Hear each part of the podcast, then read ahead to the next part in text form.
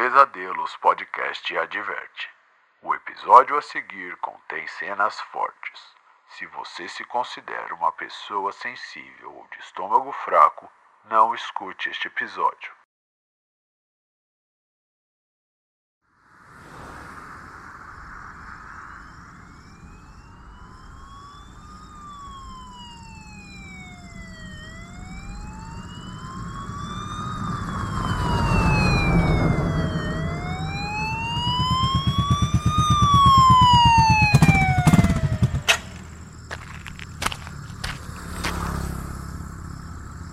Ei, você, parado aí.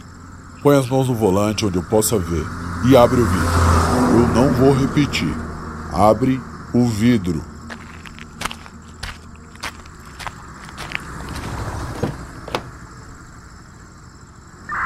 Central, preciso de reforços. Corpo encontrado na rodovia 889, quilômetro 45. Veículo abandonado com cadáver dentro. Ah, que cheiro horrível. O Corpo, por William Camargo.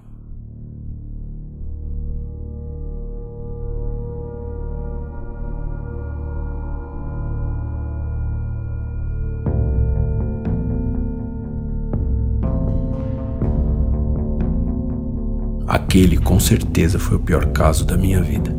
E antes que fosse por aquele corpo encontrado no meio do nada. O corpo foi encontrado em um Del Rey 87. Tava onde foi localizado há dois dias. O cheiro era horrível, uma mistura de peixe podre com carne podre. O carro ficou fechado, tomou sol, degradou bastante a carne daquele homem. Ele tinha 29 anos, cerca de 1,80m. Usava calça jeans, uma camiseta preta e um óculos escuro. Tinha o cabelo castanho escuro penteado para trás. Um cara normal. Bem no banco do passageiro tinha umas caixas de remédio e uma sacola de farmácia. No seu colo havia uma espécie de papel. Quando eu vi, eu logo pensei que fosse uma carta de suicídio. A cena inteira montava essa história. Mas não, era na verdade um manual, o um manual de um micro-ondas. O relatório do legista foi óbvio. O cara teve overdose de oxicodona, bem parecido com morfina. O que intrigou a polícia foi a ausência de uma carta de despedida. Não tinha um recado, não havia nada. Ao investigarmos a família dele, as coisas começaram a ficar ainda mais estranhas. Os arquivos mostraram que ele era casado, mas a esposa estava internada em uma clínica psiquiátrica. Foi diagnosticada com mutismo pós-traumático e psicose grave. Algo havia acontecido com aquele casal. Não é quando a gente vê um corpo morto que a gente se choca. Não é a cena de um crime que impacta o detetive. É a história. Quando o detetive investiga a família, é nesse ponto que quase sempre fica uma cicatriz difícil de fechar. Enfim, olhando os antecedentes criminais, queixas na polícia, encontramos algo bem perturbador. Aquele homem já havia feito uma denúncia de invasão a domicílio e a sua mulher, que estava internada, tinha um BO de estupro com a mesma data. Certo. Para ficar claro, alguém invadiu a casa deles e estuprou a mulher. O homem não estava na casa, depois daquilo ela começou a ter os surtos psicóticos. E temos mais duas queixas de alguns vizinhos sobre brigas do casal. Mas antes de ser internada na clínica psiquiátrica, tínhamos mais um registro em hospital. A mulher teve uma entrada em um pronto-socorro. Puxamos a ficha e a gente viu que ela estava grávida. Tinha um exame, o beta-HCG.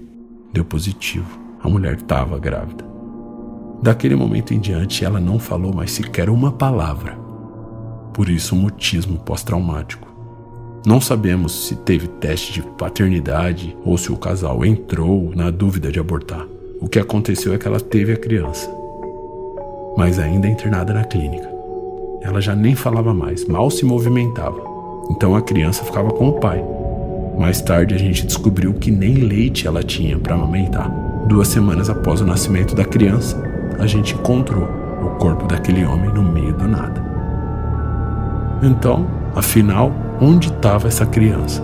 Revistamos tudo, ligamos para os familiares, verificamos na clínica, todo lugar e nada, nada de encontrar a criança.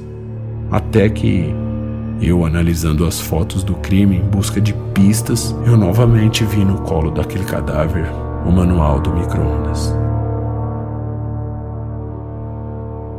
Meu coração congelou.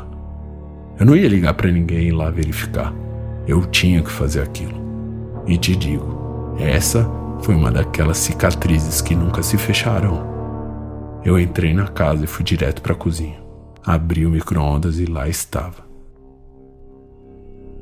O pequeno e delicado corpo daquele bebê, queimado, desidratado e com alguns ossos à mostra.